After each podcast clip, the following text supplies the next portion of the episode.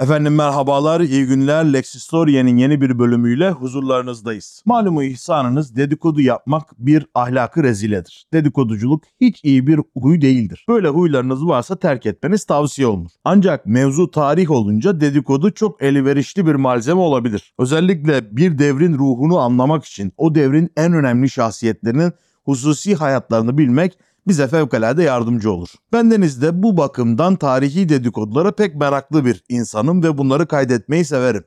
Dolayısıyla bu kayıtlarımı sizlerle paylaşacağım bir dedikodu saati formatı yapmanın yerinde olacağını düşündüm. Tabi adettir biliyorsunuz kahve hem zihne küşayiş verir hem de dedikoduya can verir. Adet Türk kahvesi içmektir dedikodu esnasında ancak bendeniz İtalyanların cafe doppio dediği espressoyu sevdiğim için bir espresso pişirdim kendime ve hafiften sohbet etmeye başlayalım dedim. Önce bir yudum alalım ondan sonra dinleyelim bakalım Sultan 5. Murad'ın kızları Hatice Sultan ve Fehime Sultan hakkındaki dedikoduları.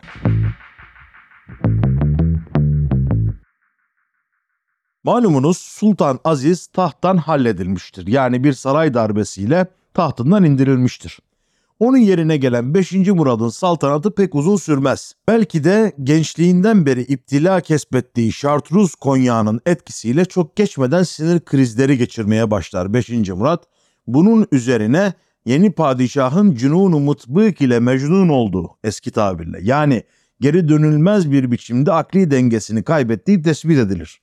Bu tespitte biraz Sultan Hamid'in de payı yoktur desek yanılmış oluruz. Şehzade Hamid de bu tespitin bir an evvel yapılması için gayret etmiştir. Bunun üzerine padişah halledilmiş ve Çırağan'daki sarayında tecrit altına alınmıştır.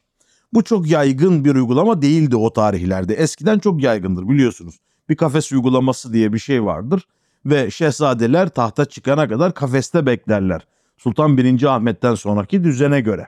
Ancak Osmanlı'nın son devrinde bu uygulama kaldırılmıştı.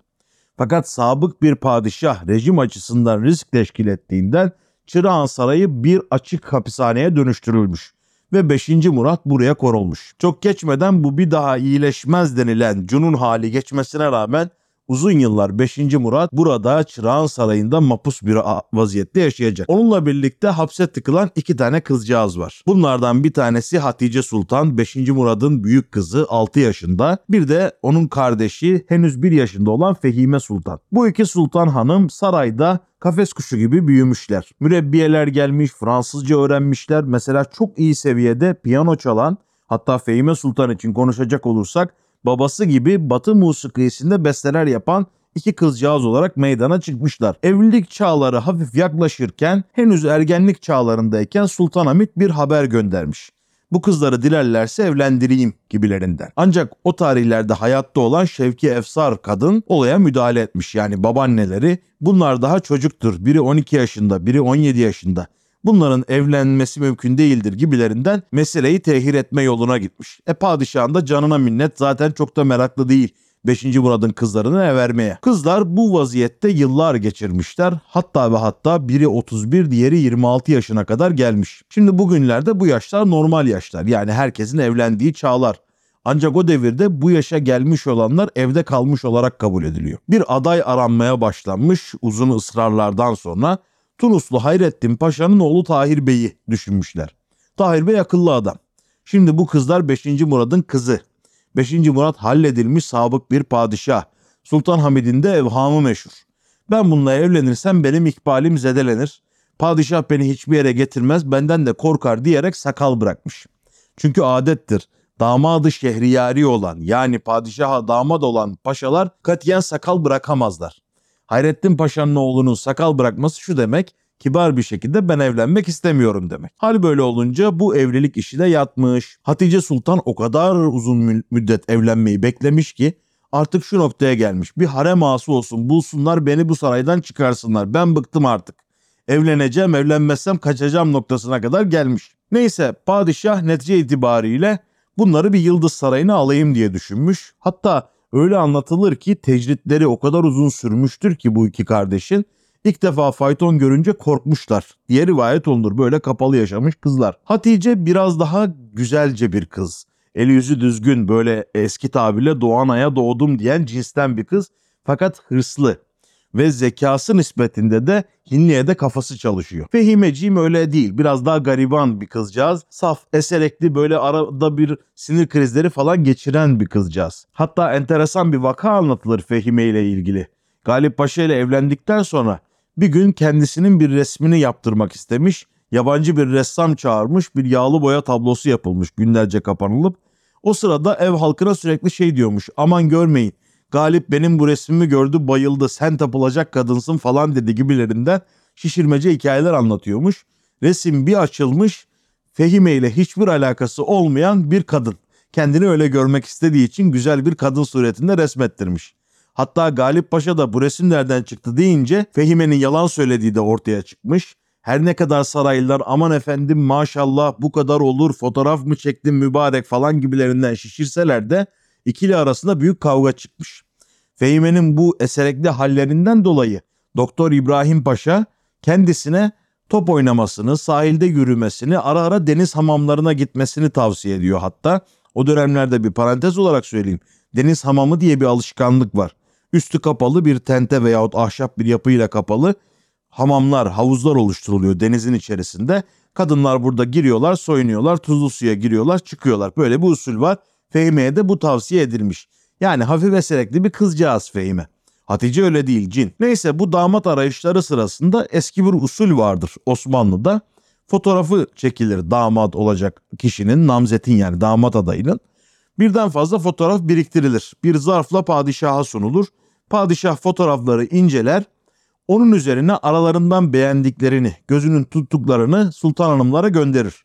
Sultanlar da artık canları kimi çekerse, kimi beğenirlerse onu tercih ederler ve evlilik akti gerçekleştirilir. Bu Fehime ile Hatice için de aynı usul tatbik edilmiş. Sultan Hamid'in önüne zarflar gelmiş. Sultan Hamid cin adam. Nerede süklüm püklüm vur ensesine al lokmasını. Böyle fesinin uçları iki kulağının üstüne düşmüş. Katip varsa toplamış. Hatice'ye göndermiş. Hatice şöyle resimlere baktıktan sonra hiçbirini istemem. İstemem babacığım istemem türküsünü tutturmuş. Sultan Hamid bu defa analığı Perestu valide sultana müracaat etmiş. Aman valide şu kızlarla konuş. Ben onları kendi kızlarımdan ayırmıyorum. Bak talipleri için bile uğraşıyorum padişah halimle. Küfrana nimet etmesinler. Nankörlük yapmasınlar bir nasip kısmet bulup evlensinler. Bunu kaçırırlarsa bir daha hiç evlenemezler diye kızları zorlamış Sultanahmet. Bunun üzerine kızlar ister istemez evlilik meselesine evet demek zorunda kalmışlar. En azından bu saraydan çıkalım diye düşünmüşler herhalde. 1901 senesinde Allah için güzel bir nikah ve düğün yapılmış. Padişah kendi kızlarından ayırmamış Hatice ile Fehime'yi. Hatta bu düğün nikah sırasında Sultan Aziz'in kızı Emine de evleniyor. O üçünün nikahı bir arada toplu düğün merasimi gibilerinden güzel bir şekilde icra ediliyor. Fehime Posta Telgraf Nezaretinden Tevfik Bey'in mülkiye mezunu oğlu Galip Bey ile evleniyor. Hatice'ye de padişahın şifre katiplerinden Ali Vasıf Bey uygun görülüyor. Bu Ali Vasıf Bey hakkında bir tartışma söz konusudur. Yıllar sonra Vasıf Bey'in öz olduğu T. Yücel mahlasıyla bir gazeteye yazı göndermiştir ve babasının iddia edilenin aksine çok yakışıklı, eli yüzü düzgün bir adam olduğunu, ve bu nedenle de güzel katip olarak anıldığını iddia etmiştir. Ancak diğer kaynaklar bu Ali Vasıf Bey'in çirkince, kaba saba bir adam olduğunu naklediyorlar. Artık doğrusu nedir? Allahu alem bir sevap deyip geçelim. Ancak Hatice'nin bu Ali Vasıf Bey'den pek memnun olmadığı açıktır. Hatta ve hatta Galip Bey Galip Paşa oluyor, Ali Vasıf Bey de Ali Vasıf Paşa oluyor. Ancak bir tanesine vezaret verilirken Hatice Sultan'ın eşi Emirül Ümeralıkta kalıyor. Bunun üzerine Hatice söylenmeye başlıyor. Sürekli fırsat buldukça bak işte görüyor musun kendi kızına kimleri kimleri layık gördü. Bizi bu paçozlara bu memur parçalarına verdi gibilerinden Sultan Hamid'e diş bilemeye başlıyor Hatice Sultan. Tabi kişi refikinden azar demişler. Allah ilerle karşılaştırsın. İyi dostlar edinmeye bakınız. Kötü insan insanı cehenneme bile götürür. Hatice Sultan'ın da etrafında hep böyle kadınlar var, dedikoducu kadınlar. Sürekli aman sizi mahvettiler, bu memur parçasıyla evlendirdiler. Yandınız artık sizden hiçbir şey olmaz falan gibilerinden kızcağızı dolduruyorlar. Aslına bakarsanız damatlar pek fena değil. Zaten damadı şehriyari olmak onlar için yeter bir zevk. Halit Ziya bunu çok güzel anlatır saray analarında. Netice itibariyle Macar atlarına bineceksiniz, faytonunuzla halkın arasından geçeceksiniz, sırmalı elbiseler giyeceksiniz. Kolay iş değildir yani. Büyük bir lükstür. Bazıları bu lüksü kötüye kullanıp siyasete de dahil olmaya çalışmıştır. Damat Ferit kötü örneğinde olduğu gibi. Ancak genel olarak damadı şehriyari olmak kıymetli bir şey. E bu kıymeti de takdir etmiş damatlar ve özellikle Ali Vasıf Bey böyle Hatice Sultan'ı sürekli nazlarmış. Aman sultanım benim sizle evlenmem ne büyük bir şeref ne büyük bir devlet. Hatta ve hatta ayaklarını öpermiş kızcağızın yanına gelirken. Ancak bu dedikoducular yüzünden Hatice Sultan da kocasından soğumuş. Ve onu böyle istiskal etmeye kötü davranmaya başlamış. Zaten damatlarda şöyle bir usul vardır. Genellikle selamlıkta vakit geçirirler. Yani erkeklere ayrılmış bölümde vakit geçirirler. Akşam yemeği yenecek diyelim selamlıktan haber gelirse harem bölümüne geçerler ve hanımlarıyla yemek yerler. Aynı şekilde uyku zamanları da öyledir.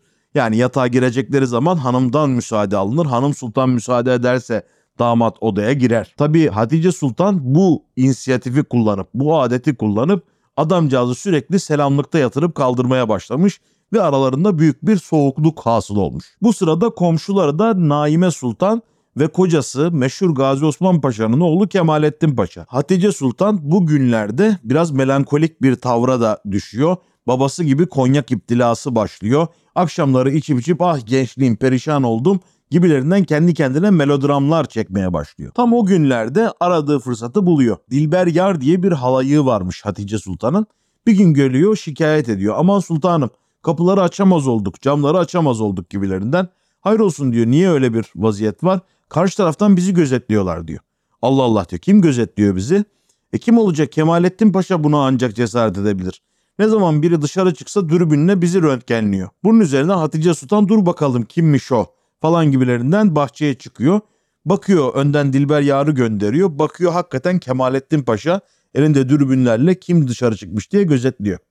Hal böyle olunca arkasından kendisi gidiyor ve camdan kendisine bir kayısı gülü atılıyor. Bu da aslında bir ilişki başlangıcının sembolü. Gülü yerden alıyor, kokluyor ve böylece Hatice Sultan'la Gazi Osman Paşa'nın oğlu Kemalettin Paşa arasında bir yasak aşk, bir aşkı memnu başlıyor.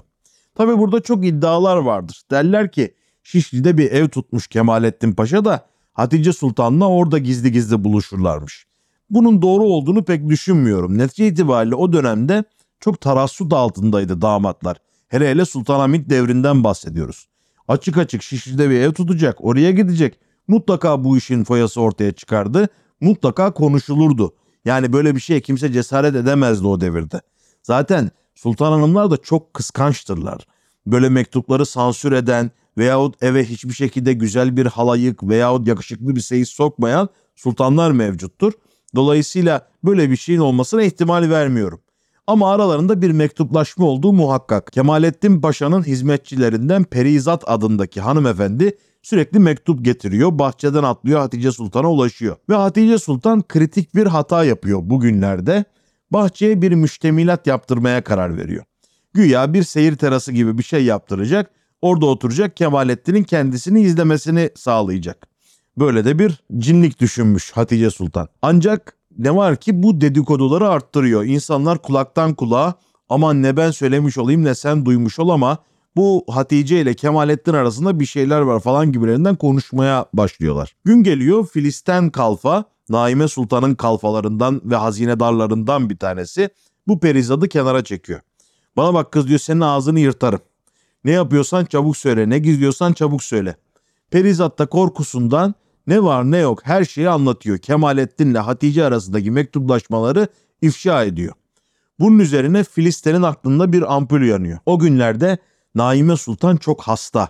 Zayıf bünyeli bir kızcağız zaten. Belki babasından da gelen bir şey bu. Ve verem olmasından şüp- şüpheleniliyor. Bu şüpheden dolayı eve sürekli Hakkı Şinasi Paşa hususi tabip olarak geliyor.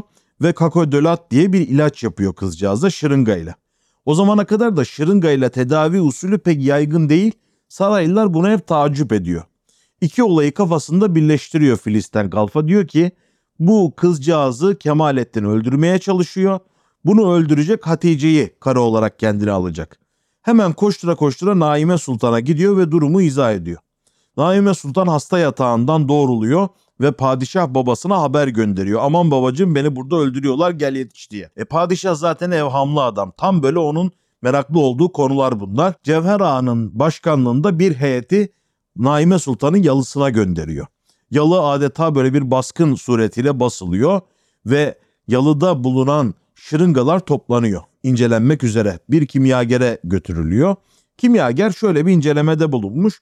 Bunların içinde her ilaçta olduğu gibi aslında demek istiyor. Zehir bulunuyor diyor. Vay bunun üzerine iş iyice büyüyor. Naime Sultan'a bir suikast yapıldığı düşünülüyor ve bir sağlık heyeti kuruluyor. Bu Kakodelat Desüd isimli ilaçta zehir var mı yok mu bu tartışılacak. Hakkı Şinasi Paşa kendini iyi müdafaa ediyor. Efendim diyor her ilaçta böyle zehir bulunur ancak bu tıbbi dozu aşacak bir zehir değildir. Böyle bir şey söz konusu değil. Daime Sultan iyileşsin diye biz bunu uyguladık falan gibilerinden kendini savunuyor. Ancak aynı baskında Hatice Sultan'a gönderilecek olan mektuplar da ele geçirilmiş. Dolayısıyla Kemalettin Paşa yakayı kurtaramıyor Hakkı Şinasi Bey gibi. Bunun üzerine Kemalettin Paşa'ya bir haber gönderiyor Sultanahmet. Çabuk ona söyleyin kızımı boşasın diyor. Bu arada bir kahveden de bir yudum alalım. Oh evet kızımı boşasın diyor Sultanahmet. Ancak Kemalettin Paşa kuyruğu dik tutuyor. Ben Gazi Osman Paşa'nın oğluyum. Öyle kolay kolay karımı bırakacak değilim. Ben bir hata yapmadım. iftira atılıyor. Hakkım yeniyor falan diyor. Bunun üzerine iş sarpa sarıyor. Bir mahkemeye gidilse halk bunu duyacak. Büyük rezillik olacak. Herkese rezil olacaklar. Yani bir saray içerisinde böyle bir aldatma hadisesi hem de akrabalar arasında. Olacak iş değil yani. Hiç kimsenin kabul edeceği bir skandal değil. Nasıl yapalım, nasıl edelim diye düşünüyorlar. Ama işte milletin ağzı torba değil ki büzesiniz. Haber Galata Mahkemesi'nin naiplerinden Said Molla'nın kulağına gidiyor. Said Molla padişaha bir haber gönderiyor. Hünkârım müsaade etsin ben bu işi tereyağından kıl çeker gibi hallederim diyor. Padişah aman Allah aşkına gidin o adama çözsün bu işi diyor ve saraylıları oraya gönderiyor. Galata Mahkemesi'nin naibi olan Said Molla iki tane Ermeni şahit buluyor ve şu hadiseyi onların ağzından dinliyor. Göya boğaz içinde kayıklarıyla gezerken bu iki Ermeni balıkçı yanlarına gavur şapkalı bir adam yanaşmış. Çok yağmurlu bir günmüş ve yem istemiş onlardan balık yemi. Bunlar da balık yemi vermek istememişler. Bunun üzerine ben Kemalettin Paşa'yım ya padişahın damadıyım versenize demiş. Bunlar inanmamışlar. Müslüman bir adam başında gavur şapkasıyla olacak iş mi deyince Kemalettin Bey de e, yağmur yağıyor ne yapayım fes takacak halim yok sırılsıklam olurum. Siperlikli şapka taktım demiş. Bunlar takip etmişler Kemalettin Paşa'yı. Hakikaten kıyıya çıkmış başına fes takmış ve Naime Sultan yalısına girmiş Kemalettin Paşa. Bu hadiseyi birebir nakletmişler Galata Mahkemesi naibi Said Molla'ya. Said Molla bunun üzerine Kemalettin Paşa'nın gavurlara benzediği ve benzemek kastıyla şapka taktığı. Bu nedenle bermuci bir şeriat mürted olduğu, e, mürted olanın da nikahının düşeceği açık olduğu suretiyle bu evliliğin hitamına karar veriyorum demiş. Böylece saray Kemalettin Paşa ile Naime Sultan evliliğinden kurtulmuş. Kemalettin Paşa Bursa'ya sürgün gönderilmiş. Hususi tabip Hakkı Şinasi Bey de daha acı bir şekilde önce Basra'ya sonra Konya'ya sürgün edilmiş. Hadisenin öbür taraflarından Hatice Sultan'ın evliliği ise bir müddet daha sürmüş. Ancak kıymetli babacığı 5. Murat bu hadiselere dayanamamış ve biz onurumuzu, şerefimizi yıllarca bu tecrit hanede, muhafaza ettik. Bu kız bizi rezil etti diyerek feryat figan etmiş ve bu hadisenin üzüntüsüyle şeker komasına girmiş bu komadan da bir daha çıkamayarak 1904 senesinde hayatını kaybetmiş. Hatice Sultan istemeyerek de olsa babasının ölümüne sebebiyet vermiş ve Ali Vasıf Bey ile geçinmeyerek sürdürdüğü evliliği 1909 senesine kadar devam ettirmiş. 1909 senesinde hürriyetin ilanı ile birlikte ortam biraz rahatlamış. Hatice Sultan da amcası Vahdettin'i araya sokarak boşanmak istediğini beyan etmiş. Vahdettin de aslında çok korktuğu ve çekindiği Sultanahmet'in geri plana düştüğünü fark etmiş olacak ki 5. Murad'a yıllarca eziyet edildi. E şimdi bir de kızlarına eziyet ediliyor. Yeter artık gibilerinden bir mektupla sadrazamdan bu boşanmanın gerçekleştirilmesi için müsaade istemiş. Ve müsaade verilmiş sadrazamın araya girmesiyle Ali Vasıf Bey ile Hatice Sultan boşanmışlar. Hatice Sultan hemen onun peşine zannediyorsunuz ki Kemalettin Paşa ile yeniden kavuşmuş. Onlar ermiş muradına biz çıkalım kerevetine diyeceğim zannediyorsunuz ama hayır. Çünkü Hatice Sultan'ın asıl maksadı zaten Naime Sultan'dan ve dolayısıyla Abdülhamit'ten intikam almakmış. Bu maksat da hasıl olduğuna göre Kemalettin'in bir daha yüzüne bakmamış. Tam o hürriyet günlerinde İstanbul'a gelen Kemalettin el elde baş başta kalmış. Hatice Sultan genç bir katiple tanışmış. Hariciye katiplerinden Rauf Hayri Bey ile.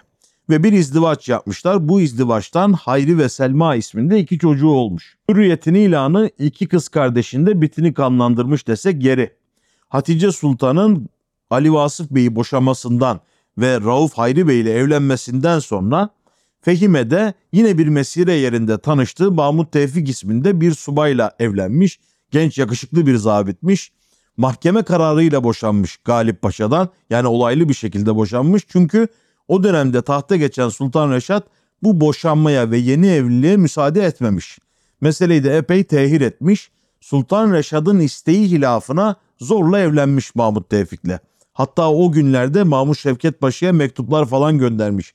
Ben bu adamla evlendim Allah aşkına İstanbul'dan başka yere göndermeyin gibilerinden bu zabiti de savunmaya kalkmış. Ancak kara günler bu iki kız kardeş için henüz sona ermiş değil. Birinci Dünya Harbi'nin sonlarına doğru Hatice Sultan kocası Rauf Hayri'den boşanmış. Fehime Sultan'ın evliliği devam etse de 1924'teki sürgün kararı iki kız kardeşin hayatında bir dönüm noktası olmuş. Fehime Sultan Nice kentine göçmüş Fransa'nın. Hatice Sultan da Beyrut'a yerleşmiş. Dul bir kadın olarak Beyrut'ta geçinmekte zorluk çekmiş. Hayri Bey'in ara ara gönderdiği paralarla yaşamaya çalışmış. Fehime Sultan ise o çok sevdiği ve uğruna padişahı karşısına aldığı Mahmut Tevfik tarafından kandırılmış. Bu genç subay bütün parasını elinden almış Fehime Sultan'ın ve Nis'te dımdızlak bırakmış kadıncağız. Fehime Sultan bunun üzerine yanındaki siyahi halayıklardan rica etmiş bu halayıklar sokaklara çıkıyorlarmış, dilencilik yapıyorlarmış ve bir sıcak çorba kursağından geçsin diye Fehime Sultan'ın onlar da çaba gösteriyormuş. Fehime Sultan bu yokluklar içerisinde 1928 senesinde hayatını kaybetmiş. Geriye kendisinde yalnızca birkaç beste kalmış. Hatice Sultan'a gelirsek kızı Selma biraz büyümüş, serpilmiş. Bunun üzerine kızı Hindistan'ın Müslüman hükümdarlarından Kutvare Nevvabı diye bilinen Sacit Hüseyin'le evlendirmiş. Sacit Hüseyin İngilizlerin de vasıtasıyla 10 sterlin 15 sterlin bir maaş bağlamış Hatice Sultan'a. Ancak bu maaş zaman zaman aksıyormuş o devrin imkanları içerisinde rahat bir şekilde gönderilemiyor netice itibariyle ve ciddi bir parasızlık çekmeye başlamış. Tam da bu sıralarda kendisine bir felç isabet etmiş, yatalak olmuş. Hem yatalak hem parasız perişan bir vaziyette Beyrut'ta ve Şam'da günlerini geçirmiş. Nitekim 1938 senesinin 13 Mart'ında da hayata gözlerini yummuş ve Şam'daki Süleymaniye mezarlığına gömülmüş. Ailenin dramı burada sona ermiyor. İşte bir bahtsızlık var derler ya. Bir insanın aksi gitmesin işi muhallebi yerken kırılır dişi. Hatice Sultan'ın Rauf Hayri Bey'den olma oğlu Hayri İstanbul'a mektuplar göndermiş 1950'lere kadar. Bizi geri alın biz perişan vaziyetteyiz burada yaşayamıyoruz diye. Ancak gönderdiği mektuplar pek bir işe yaramamış bunun üzerine ümitsizliğe kapılmış ve intihar etmiş. Onun intihar ettiği günlerde Demokrat Parti iktidarda ve hanedan üyelerinin geri dönmesi için bir kanun çıkartacak. Biraz da Hayri Bey'in mektuplarının da bunda tesirli olduğu söylenir. Ancak Hayri Bey hiçbir zaman bu kararı görememiş ve Türkiye'ye dönememiş. Diğer çocuğu Selma ise Hindistan hükümdarı ile evlenmiş Tam 2. Dünya Harbi sıralarında hamileyken Avrupa'ya gitmiş çocuğu Avrupa'da doğurmak için. Ancak burada doğumdan kısa bir müddet sonra vefat etmiş. Bu erken yaşta vefattan sonra doğan çocukcağız halayıkların elinde kalmış. Halayıklar da bu çocuğa bakamayınca çocuğu yetimhaneye vermişler. Hindistan'ın Müslüman hükümdarlarından Sacit Hüseyin yıllarca kızını aramış, kızına kavuşabilmek için büyük mücadeleler vermiş. Ancak 21 yaşına gelene kadar kızcağız Katolik rahibelerin elinde büyümek mecburiyetinde kalmış. Bu kız da meşhur Kenize Murat'tır. Onun hikayesinde bir başka videoda anlatalım diye bir parantez açmış olalım. Bu acı hikayeler sonucunda gördüğünüz üzere Hatice de Fehime de mahvu perişan olmuş. Onların çocukları da çok büyük sıkıntılar yaşamış. Belki bir hırsın neticesi, belki de gençlik hezeyanlarının, heyecanlarının neticesi olarak birden fazla yuva dağılmış ve böyle acı bir netice ortaya çıkmış. Bugünkü dedikodu faslımıza Hatice Sultan'ın mezar taşında yazan ve Rıza Tevfik Beyefendi tarafından kaleme alınan şu beyitlerle nihayet verelim. Milletin sevdiği Sultan Murad'ın Naze'nin kızıdır burada yatan. Devri inkılabın kurbanı oldu. Ben öksüz kızıyım yasını tutan. Bahtı siyahıdır bu bir günahı. Sarayından alıp sokağa atan. Niçin mahkum etti bu akıbete onu melek gibi güzel yaratan? Vücudunu yıktı hicrana vatan. O derdi hasretle gurbet ellerde ölüm döşeğinde yıllarca yattı. Öldü gitti yazık Hatice Sultan. Artık siz ne ibret alırsınız bilemem. Ancak biz anlatanların yalancısı olarak ki kimlerden naklettik bu rivayetleri onu da bu videonun açıklama kısmına yazacağım. Biz onların yalancısı olarak bu hadiseyi sizlere naklettik. Bizden anlatması, sizden dinlemesi. Umarım memnun kalmışsınızdır. Bu videomuzdan da istifade edilebilmiştir. Dedikodu deyip geçmeyin. Bakın nerelere girmiş olduk, ne kadar detaylı mevzulara göz atmış olduk. Umarım faydalı olmuştur. Kahvemizden son bir yudum alarak sizlere veda ediyoruz. Hakla kalın, hukukla kalın, sağlıcakla kalın efendim. Oh.